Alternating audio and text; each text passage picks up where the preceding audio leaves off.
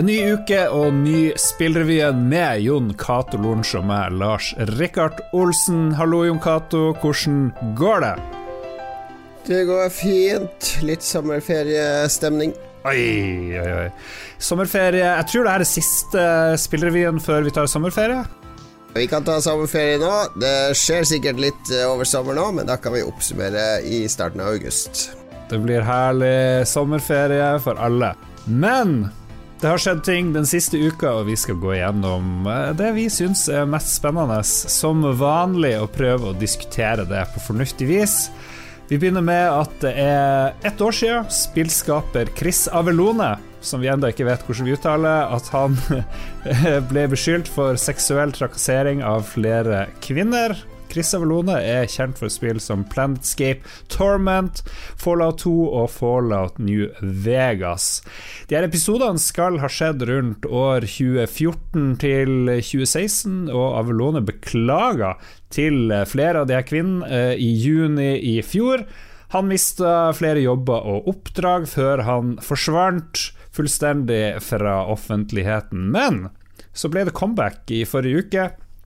Han eh, kom på Twitter, skrev en lang bloggpost om Cato, kom med sin side av historien og varsla søksmål er i gang mot i alle fall to av kvinnene som har beskyldt han for overgrep. Metoo og spillverden, Jon Cato, det har jo vært en greie. Hva er det som gjør denne saken spesiell? Det har jo vært en bølge i mange bransjer, ikke sant, med kvinner som har stått frem og tatt opp ukultur på arbeidsplassen. Det som er litt annerledes med denne, er vel at det her har ofte foregått Altså, det er jo ikke folk som egentlig har jobba sammen, men de har møttes på eh, events, det har vært mye alkohol involvert.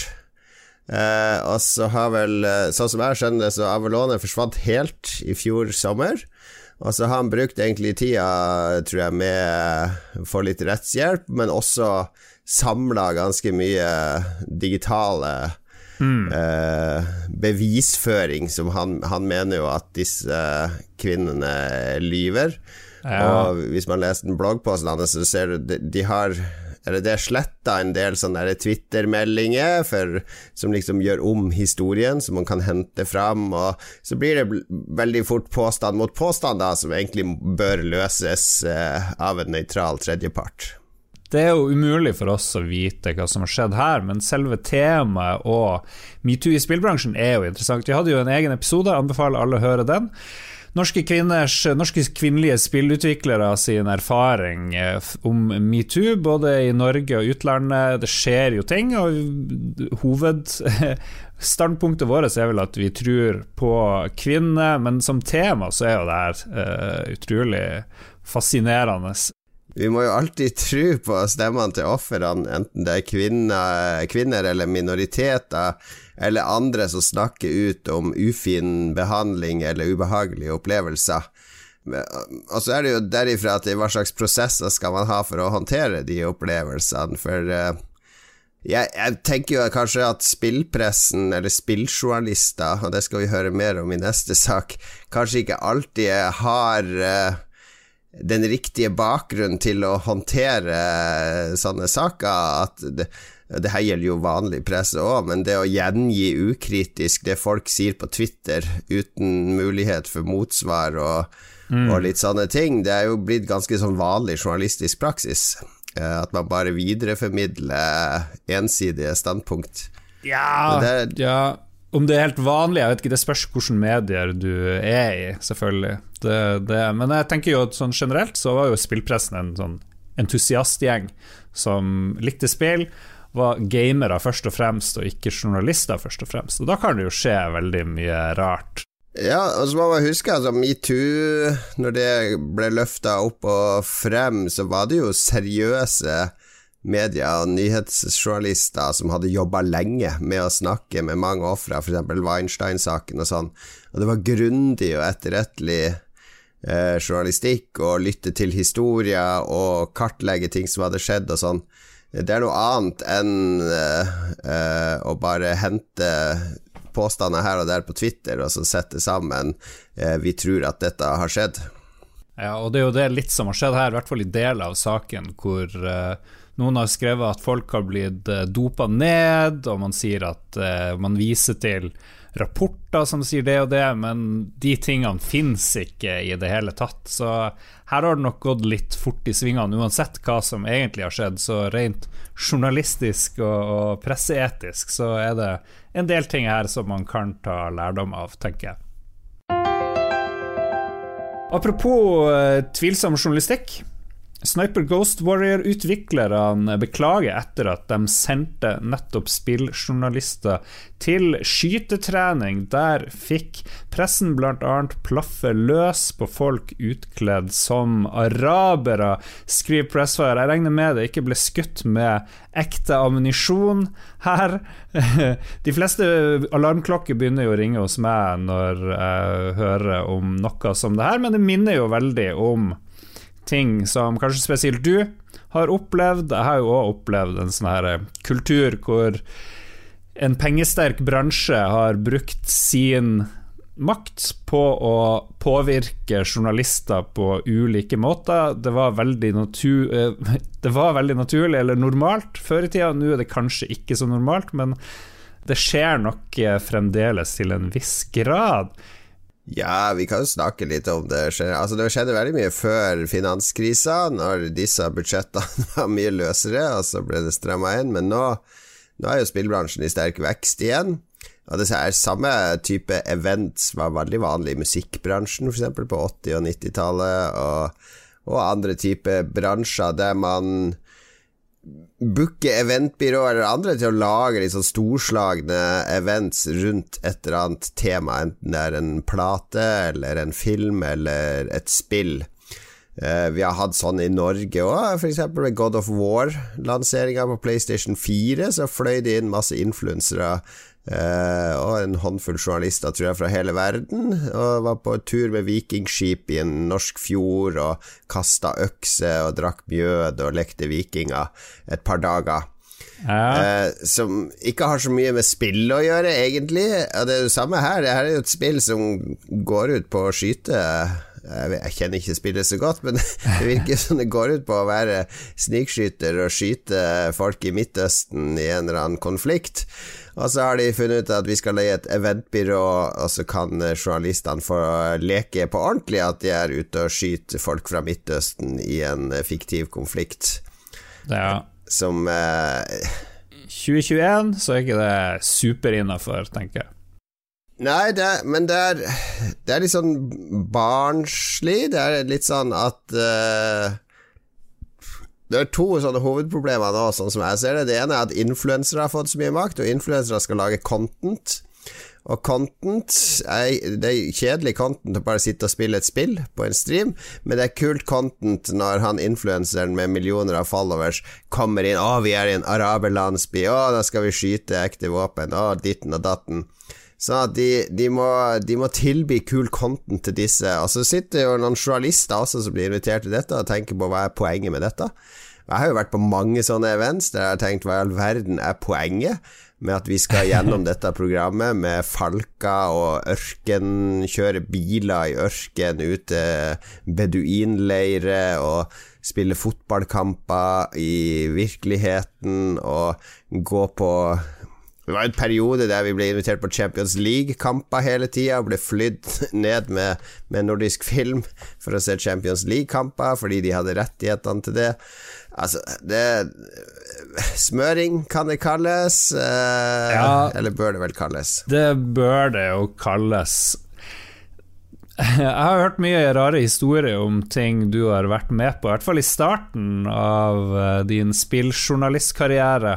Jeg vet ikke om du har lyst til å snakke om det, eller si hvem det dreier seg om, og sånt, men det var veldig sånn Ja, nå skal vi på strippeklubb. Ja, Det er ikke så ofte jeg har vært på strippeklubb, men det var ved Rumble Roses-lanseringa, så hadde de leid inn masse strippere som hadde kledd seg ut som de damene i spillet. Uh, så det var jo definitivt på kanten. Eh, men det handler jo alt, ofte om å invitere folk, skjenke de, altså bare ha det gøy, og så er det minimalt med faglig innhold. Og En av grunnene til at jeg tok initiativ til å starte Spillkritikerlauget i sin tid, var nettopp det å kunne liksom rådføre nye spilljournalister eller influensere i Eh, ta nå og Se på hva det eventet Er det et viktig event for å dekke spillet? Skal du dit for å teste et spill og snakke med utviklerne? Ja, da er det nyttig. Skal du dit bare for å feste og leke? Så er det faktisk eh, lov å si nei. Eh, bare send meg spillet og gi meg telefonnummeret til utvikleren i stedet, så sparer du både tid og energi. Ja. Det var mye mer eh, aksept rundt omkring for å være med på sånne smøreturer. Jeg husker tidligere nevnte bilbransje var veldig med på det. Reiselivsbransjen har òg vært eh, kjøpt og betalt for sånne enorme turer. Og spillbransjen. Så jeg, første turen jeg var på, det var til San Francisco, og der var det jo da ble de dyreste drinkene bestilt hele tida da jeg for og styrte rundt, betalt av eh, et stort uh, spillselskap. Og det var, det var, null fokus på noe fornuftig, egentlig. Det var bitte litt. Det aller meste var nå skal vi ut og spise her og der, og vi skal ut og drikke her og der. Og det var å kjøpe seg goodwill. Og alle vi som var med, syntes det var helt topp. Det var helt greit uh, da rundt år 2000, tror jeg det, så det er jo ikke så lenge siden. Men nå er det helt annerledes. Det har litt med at uh, det er mye mindre penger uh, til sånne her ting. Og så tror jeg at influensere er mer prioritert enn spillbransjen. Det er de som drar på disse tingene og, og leverer helt ukritisk innhold. Og Det har jeg sett norske influensere òg, som har vært på Assassin's Creed-turer til Firenze og bare levert Nå er vi i Firenze, se alle de kule gavene vi har fått fra Ubisoft. Eh, nå skal vi ut og ha det gøy, se hvor kult de har rigga til denne nattklubben så det skal ligne på Assassin's Creed osv det er, det er jo kun, det kun, en salgskanal for produktet, ikke sant?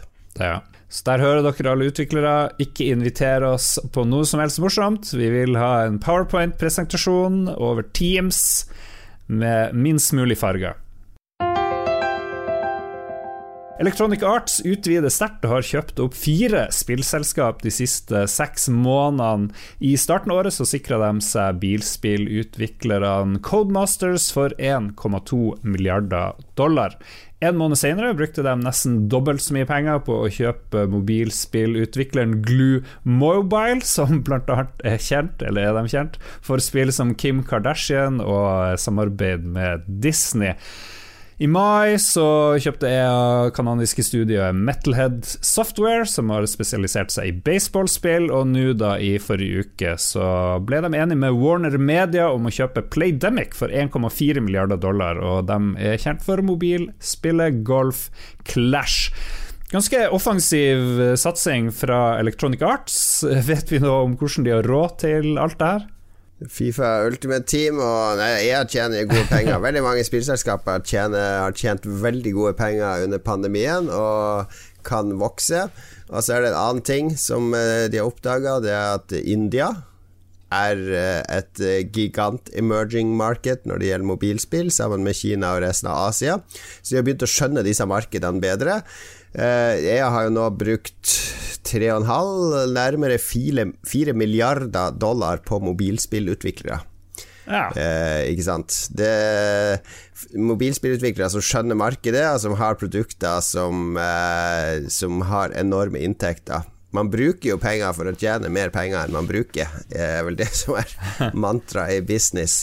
Så dette er eh, Altså Ubisoft har snakka om at mobil og free to play blir viktigere. Så Sony har vel til og med også ansatt mobilutviklere for å liksom branche PlayStation-merkevarer over på mobil, for å finne inntekter der òg.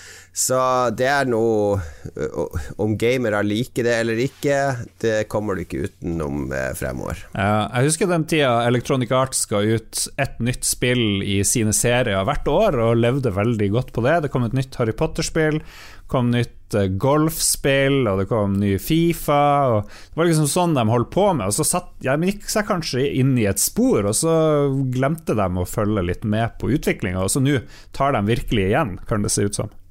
Ja, de har jo prøvd seg på mobil før uten å lykkes helt. Eh, det er vel fordi de har prøvd seg på mobilmarkedet i Vesten fremfor i Asia i større grad.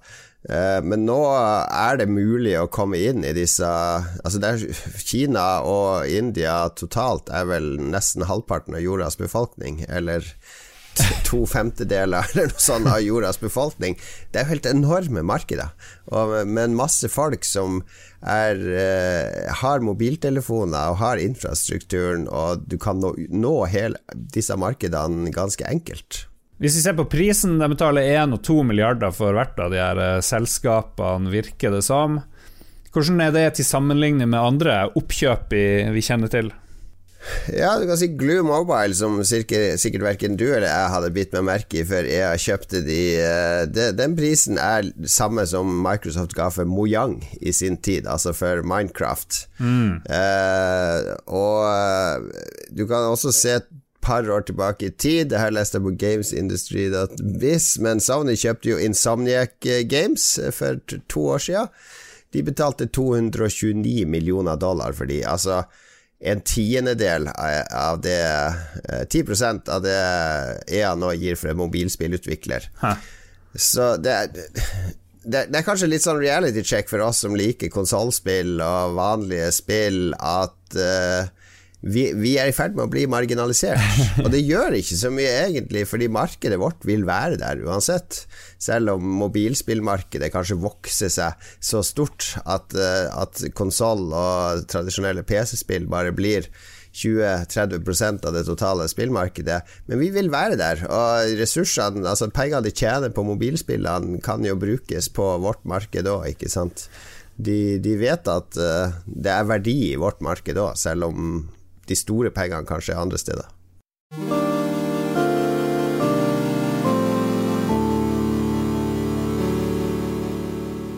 Siste nyhet uh, før vi tar sommerferie, det er at Microsoft presenterte i forrige uke Windows 11, og dataspill var veldig i fokus. Jeg har sett en sånn supercut av det hele. Det var nevnt Ordet games var nevnt jeg vet ikke, det må ha vært 40 ganger eller noe sånt. Det var intenst. Det var, minte meg om da Microsoft lanserte sin eh, Xbox eh, One, var det den het? Og da det var TV, TV, TV, TV. Nå var det Games, Games, TV. Games. Eh, I det her nye operativsystemet så skal du få en auto-HDR-løsning. Det har de jo i nye Xboxene. Du har også noe annet fra de nye Xboxene. Det, det her er Direct Storage, et system som gjør at du overfører data superraskt til uh, deg og din skjerm. Xbox-appen er også innebygd i operativsystemet, og du kan spille fra The Cloud hvis du har GamePass-abonnement. Utrolig hardt fokus på spill i nye Windows. Hva er grunnen til, eh, til det her, tror du? Det viser jo at de har troa på Phil Spencer og Xbox og GamePass-satsinga og sett alle kluter inn på å gjøre det til en suksess eh, ved at de integrerer det i, i OS eh, i denne grad, viser jo at dette tror vi virkelig på. Nå skal vel det også sikkert inn i TV-apparater og andre typer elektroniske enheter i fremtida, sånn at GamePass og merkevare Xbox og cloud-spilling Ja, det Microsoft har troa, rett og slett. Ja, Sitt Steam og skjelver i buksene. Vi har uh, Epic, de har sin egen uh, spilltjeneste og sånt. Bør de føle seg trua nå av uh, Microsoft? Tradisjonelt sett så har jo Windows prøvd ofte, eller Microsoft ofte prøvd å liksom skvise de andre litt ut. Det var jo en diger rettssak eh, rundt Edge og Microsoft sin nettleser som gjorde det vanskeligere og vanskeligere i Windows å liksom installere alternative nettlesere som Chrome og Firefox, der de måtte Microsoft måtte roe seg litt ned, ble vel resultatet av, av de eh, eh, prosessene. Eh, så, men jeg tror nok både Steam og andre eh, ikke er helt komfortabel med at eh, Microsoft skal integrere sine spilltjenester enda tettere i OS-et. Det, ja. det, ville vært rart hvis de bare slappa helt av. Mm.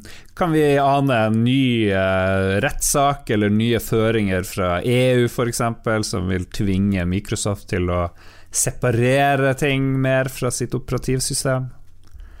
Ja, det spørs litt hva som skjer. Det som vi i hvert fall aner konturene av, er jo Du har den pågående greia med Epic mot Apple, der definisjonen av spill har blitt eh, litt viktig, og den har jo Microsoft hevet seg litt på, fordi i Windows Store så har jo Microsoft annonsert at alle apper som har sånn in-app purchaser der, eh, der skal ikke Microsoft lenger ta en andel. Dette er jo vanlig i, Dette er jo en kjerne i den IOS- eh, Mm. eller Apple-saken. At eh, Apple skal ha 30% av in-app-purchaser òg. Det har vært standarden. Men det går Windows Store bort fra, så i teorien skal kan du slippe en app der med økonomisk infrastruktur i appen, og så tjener du masse penger på alle som bruker penger i appen din. Uten at du må gi noe til Microsoft. Der de gjort, men der har de gjort et vin, unntak, Windows eh, eller Microsoft, fordi det gjelder ikke spill. Så det gjelder ikke Fortnite i Windows Store, f.eks. Hvis du skal kjøpe V-Bucks, så må du fortsatt gi en cut til eh, Microsoft. Men det gjelder andre apper. Og da plutselig har vi kommet til et sted der spill ikke lenger er likestilt software med annen software som selges via disse storefronts. Og da kommer vi plutselig inn i en hengemyr fremover av juridiske De har jo snakka om det allerede. Er Roblox et spill, eller er det et metaverse, eller er det et verktøy? Altså, det samme kan man si om Fortnite. Det er masse events der. Plutselig så skal vi begynne å snakke om hva er egentlig et spill. Det er interessant. Det er det. Mye underholdning for oss som liker å følge med på spillbransjen. Før vi tar sommerferie, så kan vi også melde at vi eh, samarbeider litt med Viken Filmsenter om eh, det kommende spillkonventet. Ja. Eh, spillkonventet har vært eh, vanligvis arrangert i juni hvert år, ble avlyst i fjor pga. covid, og nå er det utsatt til oktober i år. Det skal foregå 18. til 19. oktober i år på Klekken, eh, og vi i Spillrevyen eh, skal bl.a. lage en podkast i september i forkant. Det er nyheter for deg, Lars. en eh, post koronapodkast der vi En eh, episode på ca. en halvtime, time, der vi følger opp litt av de koronapodkastene vi lagde i samarbeid med Viken i fjor. Eh, vi skal snakke litt med noen av de som var involvert der, høre hvordan de har kommet seg gjennom korona, og hvilken lærdom spillutviklere har tatt av eh, å jobbe i korona. Eh, Så vi tror kan bli ganske interessant. Og så kommer vi også til å være stede, til stede på spillkonventet i oktober. Det gleder jeg meg til. I hver episode så ser vi også på hvilke spill som er på vei, og denne uka så er det norsk moderne klassiker som nå kommer til PlayStation 4 og Xbox 30. juni. Helt riktig, det er jo Fishing North Atlantic fra vår venn eh, Gøran i Misk Games. eh, Kommer endelig på konsoll. Trålerspill, rett og slett, fra Atlanterhavet. Veldig hyggelig trollerspill Er det ingen andre spill enn eh, Fishing North Atlantic som er på vei nå fremover? Siden vi skal ha så lang sommerferie, så kan vi jo også nevne at det kommer et nytt spill i Formel 1-serien til Codemasters FN 2021. Kommer i sommer med oppdaterte baner fra årets eh, Grand Prix. Og det er vel for første gang EA som utgir det, så da eh, regner vi med Formula 1 Ultimate Team eh, kortpakka kommer som en del av spillet. Det skal komme 16. juli, samme dato som Nintendo gir ut på nytt The Legend of Zelda Skyward Sword i en HD-utgave til Nintendo Switch. Et av de mindre spilte Zelda-spillene, kanskje, på Wii. Var tett knytta til motion-kontrollere.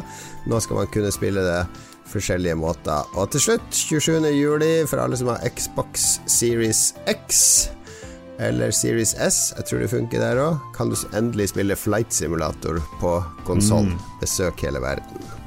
Det ser jeg frem til. Det blir eh, lite sommerferie her, så da skal jeg heller fly rundt og se meg om.